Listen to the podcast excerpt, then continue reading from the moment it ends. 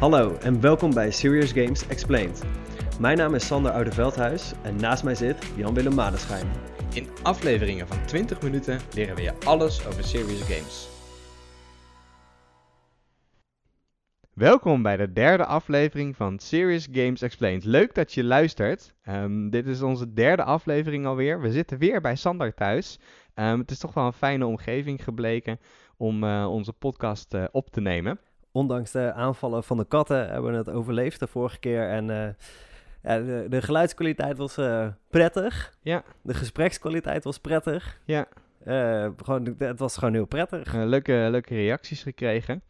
Um, en we kregen dus eigenlijk ook de vraag. Um, ja, uh, Jan-Willem en Sander, uh, jullie zijn wel zo leuk aan het uh, oreren over serious games en zo, maar waarom werkt het nou? Hè? Kun je iets meer uitleggen over wat een serious game, um, wat er nou voor zorgt dat zo'n serious game zo, um, ja, zo goed is in het overbrengen van, van informatie en het bereiken van een leerdoel? Ja, tijdens de vorige aflevering ben ik een beetje de feiten en de cijfers ingedoken. En een dingetje wat ik toen tegenkwam is dat wij in Nederland maar liefst 114 serious games bedrijven hebben. Zo, dat zijn er best veel. Het zijn er in ieder geval een stuk meer dan ik uh, dacht. En uh, blijkbaar is er vraag naar serious games. Um, en ja, jij bent uh, het internet gaan afstruinen om de missiestatements van die bedrijven te vinden. En heb je een paar uh, pareltjes gevonden, waaronder... Uh... Ja, dat klopt. Ik, ik, ik dacht, hè, er zijn zoveel bedrijven die dit doen. Ik wist niet precies dat er 114 waren, maar dat is nog wel meer dan ik had, had verwacht. Um, en, en, en, en, en, en die... Uh, zeggen allemaal natuurlijk dat ze, dat ze iets kunnen bijdragen aan, aan een bedrijf, dat ze iets kunnen leren. Dus ik ben inderdaad even op zoek gegaan naar wat zeggen ze dan allemaal. Een um, aantal dingen die ik heb gevonden. Uh, een, een, quote. Wij realiseren spelenderwijs gedragsverandering. Of um, we maken games die helpen om op een leuke en effectieve manier vaardigheden te leren en maatschappelijk bewustzijn te ontwikkelen. Een, een lekker snelle was dat. Ja. um, de, de langste en de kortste naast elkaar. De, de, de volgende vind ik ook wel interessant. Die is uh, wat complex. Um, wij helpen mensen bij het beter inzicht krijgen in specifieke problemen door ze in staat te stellen de complexiteit te ervaren in fictieve omgevingen. Een hele mond vol. Ja, ja. Um, maar op, op zich zegt het, zegt het wel iets goeds, maar wel een beetje ingewikkeld misschien. Um, het zegt precies wat het doet. Ja. Uh, en, en een andere, wij activeren je mensen of klanten met serious games en behavioral design. Um, ja, zeggen wat ze doen en waarmee. Dus dat is lekker duidelijk. Um, wat ik ook las op een, op een, op een website uh, die uh, wat dichterbij uh, ontstaat. Als mens zijn we gebouwd om te leren en met een serious game kun je dat interne verlangen om te spelen, experimenteren en leren laten groeien. Nou, als ik het hoor, dan klinkt dat wel misschien wel als de beste van alle dingen. Staat, staat op jouw website toevallig, uh, Sander? Volgens mij, volgens mij wel. Ook al uh, wel lang. Ja, dus dat, dat um, ja, het zijn veel verschillende dingen die er worden gezegd, maar ook wel veel van dezelfde dingen. Ja, wat, wat, wat, we, wat we horen, um, wat het brengt, gedragsverandering, vaardigheden leren, maatschappelijke bewustwording creëren, bewustwording creëren dus. Um, mensen activeren en laten groeien en iets leren. Um, en wat we ook hoorden in die, in die statements waren al eigenlijk oplossingen. Dus spelenderwijs iets doen. Um, echt aan de slag gaan. Fictieve omgevingen creëren. Dat je kunt ontdekken, experimenteren en dat samen doet. en in deze podcast gaan we kijken wat nou het overkoepelende thema in, de, in deze games. Waarom werken die serious games? En daarmee willen we eigenlijk uh, onderscheid maken tussen uh, ja, drie hoofdonderwerpen zou je kunnen zeggen. We hebben natuurlijk de eerste aflevering al gehad over wat is zo'n serious game nou? Um, en waarom werkt zo'n serious game en wat doet nou een serious game? Eén, um, het maakt je ontvankelijk voor de boodschap die je wilt overbrengen.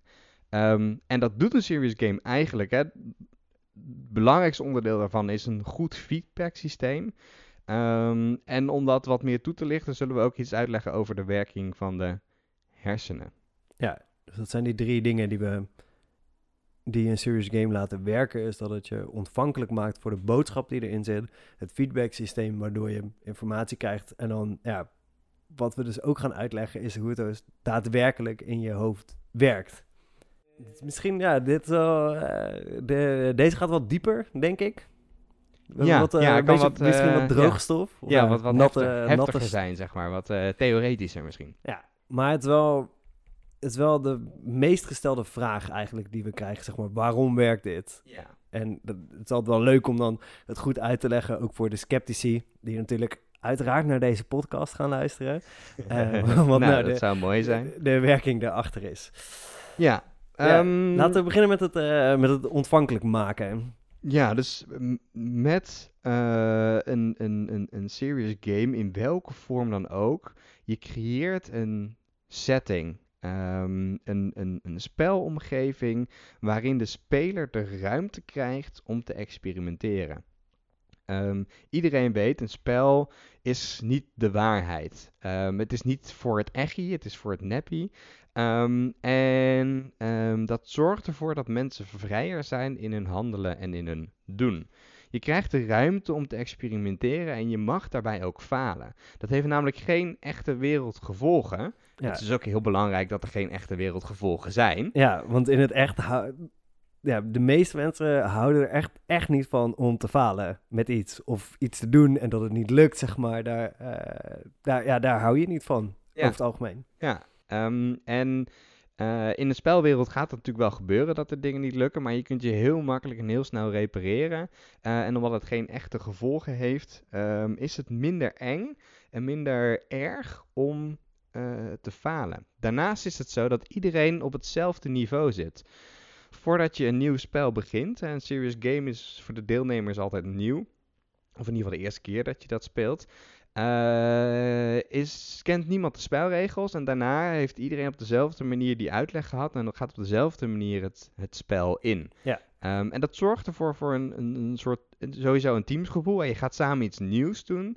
Ehm, maar ook dat je op gelijke voet met elkaar in zo'n game staat. Ja. Ehm, Dus wat we, we hebben het dan wel eh, hier over het soort games die wij maken. Dus dat zijn spellen die je in de eh, fysieke omgeving met elkaar samen speelt. ja, Right? Ehm, En dat, dat kan ook wel digitaal overigens. En zeker in deze tijd met de coronacrisis doen we dat ook. Ja, Ehm, alleen het zijn niet de klassieke digitale, eh, I don't know, spellen die, eh, die je kent van de PlayStation of de, of Nee, de precies. computer. maar wel zeg maar, je doet het wel echt samen. Zeg maar. Je zit in een team en je, bent samen in met een team, je doet het samen. Ja, precies. Ehm, en eh, dat samen doen is heel belangrijk voor het groepsgevoel. En dat zal er ook voor zorgen dat je samen eigenlijk een, een, een, een, overwinning maakt. Ehm, en dat is sowieso goed voor het groepsgevoel. Dat is een ja, mooi bijkomende eigenschap van een serious game. Ehm, maar daarnaast ben je als individu, heb je binnen zo'n spel altijd de mogelijkheid om je eigen richting te bepalen in de game. Ehm, je staat zelf aan het roer. Je kunt zelf bepalen hoeveel, fouten je maakt, hoeveel risico je neemt. En eh, ziet ook direct wat daar de gevolgen van zijn. Je hebt ook bij zo'n spel, bij een serious game, eigenlijk bijna altijd tijdsdruk. Ehm, je moet altijd binnen een bepaalde tijd moet je het spel uitspelen of je moet bepaalde puntenniveaus halen.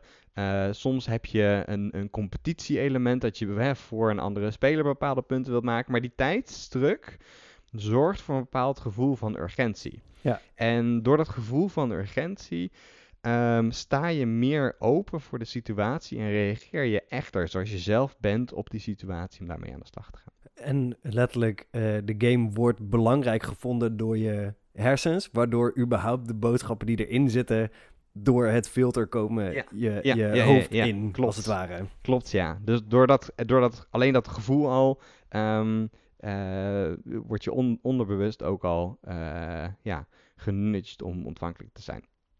Ehm, het belangrijk, of nou, een, een- een heel belangrijk onderdeel van, van een goed serious game is de, de feedback die je krijgt. Dus hè, de terugkoppeling op jouw acties. Dat je ziet of hetgeen wat, jou, wat jij doet ook daadwerkelijk bijdraagt aan het einddoel. Ehm, en dat maakt het vaak heel gaaf dat je direct kunt zien als ik A doe, dan heeft dat dit resultaat voor het einddoel. Dat geeft een hele positieve boost en daardoor wil je doorgaan. Ja, Ehm, het geeft ook heel veel het duidelijkheid. geeft heel veel duidelijkheid. Waardoor je Ja. dus, nou, als je faalt, zie je, nou, hier heb ik het misgedaan. Dus ik kan, ehm, dan weet je waar je het fout hebt gedaan. Dus kan je dat probleem gaan eh, aanpakken. Of dan kan je dat probleem anders aanpakken, waardoor het beter eh, gaat. Ja. ja, klopt. Dus dat is inderdaad ehm, eh, een, een heel belangrijk onderdeel. Ehm, en dat is ook de manier waarop wij graag als mensen, al dan niet bewust, leren. Ehm, en Sander, jij hebt me daar al vaker dat, dat uitgelegd. Hoe dat dan precies werkt in, in je hersenen. Ja. Waarom werkt dat Ja, zo goed? omdat je, je hersenen zijn eigenlijk een zichzelf lerend feedback systeem. Het, het geeft zichzelf ook heel erg feedback. Ehm, en ja, het, het, het is eigenlijk niet zo complex. En ik, ehm, ja, ik, ik ga het proberen zo simpel mogelijk proberen uit te leggen hoe het werkt. Ik, Ja. ben, ik ben zelf ook geen, geen neuroloog, dus ik weet ook niet helemaal, eh, zeg maar, als je het hebt over de moleculen die erin zitten en de precieze eh, receptoren, dan weet ik het ook niet, maar de theorie da- daarboven weet ik wel. Ehm, Waar te beginnen? ik begin met het feit dat je hersenen ontzettend veel van efficiëntie houden. Ze Mhm. krijgen namelijk echt een enorme bak aan informatie en prikkels over zich heen. Eh, ze zeggen dat het miljoenen prikkels per seconde is. Dus dat zijn er nu al eh, tientallen miljoenen die voorbij zijn gegaan. Ehm, en van die prikkels wordt dan ongeveer 1% eh, actief verwerkt. Dus dat is dan het lerende proces. En met die 1% prikkels die dan verwerkt wordt, wordt er ook al 20% van alle energie die jij in een dag hebt verbruikt. Dus je hersenen verbruiken 20% van de energie die een mens heeft op een ja, dag. dus een vijfde. Ja, Dus van zo. alle energie die er binnenkomt is... eh, het, zijn, ja, het, zijn eh, het zijn ontzettende energieslurpers. Ehm, maar goed, hè, ze kunnen ook echt super vette dingen. Als jij dus alle prikkels die op jou afkomen zou willen verwerken... of als je zou moeten verwerken op de een of andere manier... ehm, dan heb ik het uitgerekend voor de gemiddelde Nederlander... zou je op een dag 62 kilogram meer moeten eten en drinken dan dat je normaal doet. Zeg maar, daar zit dan een hele hoop energie in. Die heb je nodig om dat allemaal te kunnen. Ehm, dat zou... Yo, dat is echt heel veel. Ja, want ik weet niet hoe groot, jouw eh, hoe groot is jouw avondmaaltijd? Wat, wat eet jij? Ja, eh, ik ben wel grote eter. Dus, eh I don't know, een avondmaaltijd is voor mij een, eh, een, een halve kilo of zo. Misschien iets minder. Zoiets.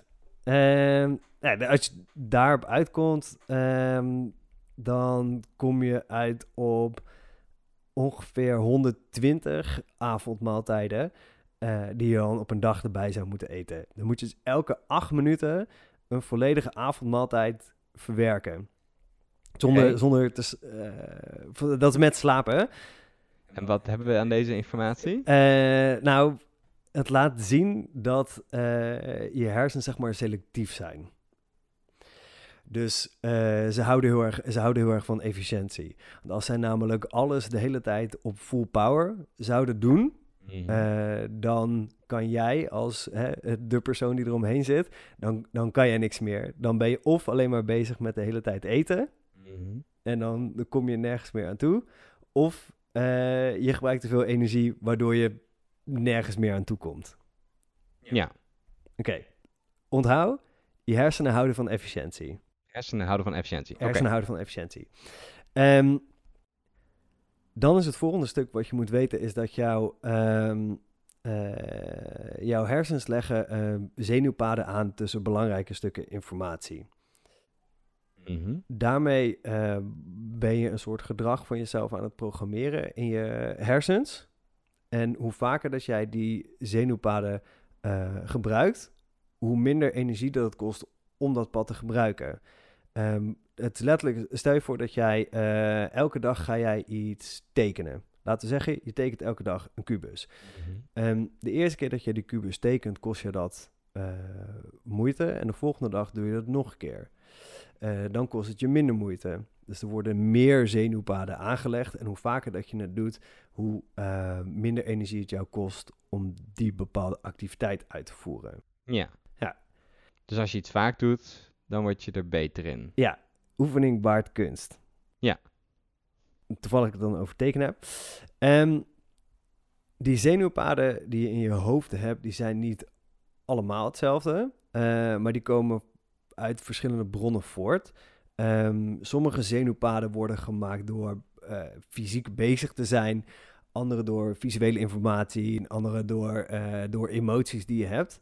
En hoe meer verschillende soorten zenuwpaden jij koppelt aan eh, een bepaald stuk informatie, eh, hoe groter de kans is dat je dat gaat gebruiken. Ehm, dat is in de praktijk dus letterlijk met meer zintuigen en meer, in meer contexten met een bepaald onderwerp bezig zijn. Ja, dus het is beter, of tenminste je onthoudt iets beter als je het ziet, hoort en voelt. Ziet, hoort, voelt, ruikt, eh, praten met mensen erover. ehm, eh, ja, erover nadenken in verschillende ruimtes zijn als je ergens mee bezig bent. Als je iemand iets wil eh, leren of zorgen dat iemand iets onderhoudt, dan heb, heb je daar baat bij om dat op zoveel mogelijk, ja, in zoveel mogelijk verschillende kanalen, zeg maar, op iemand af te vuren. Ja. Nou, dan is er nog één ding wat in je hersens ook heel belangrijk is, en dat is het stofje dopamine. Mhm. Vast wel eens van gehoord. eh, dat Ja, gelukshormoon, toch? eh, ja, dat is een, een- van de. Er zijn meerdere, meerdere vormen. En eh, het leuke is dat jouw hersens heel erg van eh, doelen halen houden. Dus als jij een bepaald doel haalt, wordt er eh, dopamine vrijgelaten, ge- vrijgelaten. Dus stel je voor, jij hebt het doel om dus heel veel kubussen te gaan tekenen. Zeg, mijn doel vandaag is om die kubus te gaan tekenen. Zodra je dat gedaan hebt, heb jij een doel behaald, krijg je dopamine en weten jouw hersens, hey, dit zenuwpad hier, wat ik net heb aangelegd, dat laat dopamine vrij. Dat vind ik fijn. Dit ga ik vaker doen. En zo is dat zijn eigen feedback systeem in jouw hersens, waardoor je eh, verder gaat. En dat is dus ook waarom serious games zo goed werken. Want je bent al je zintuigen aan het gebruiken, terwijl je constant met het onderwerp bezig bent.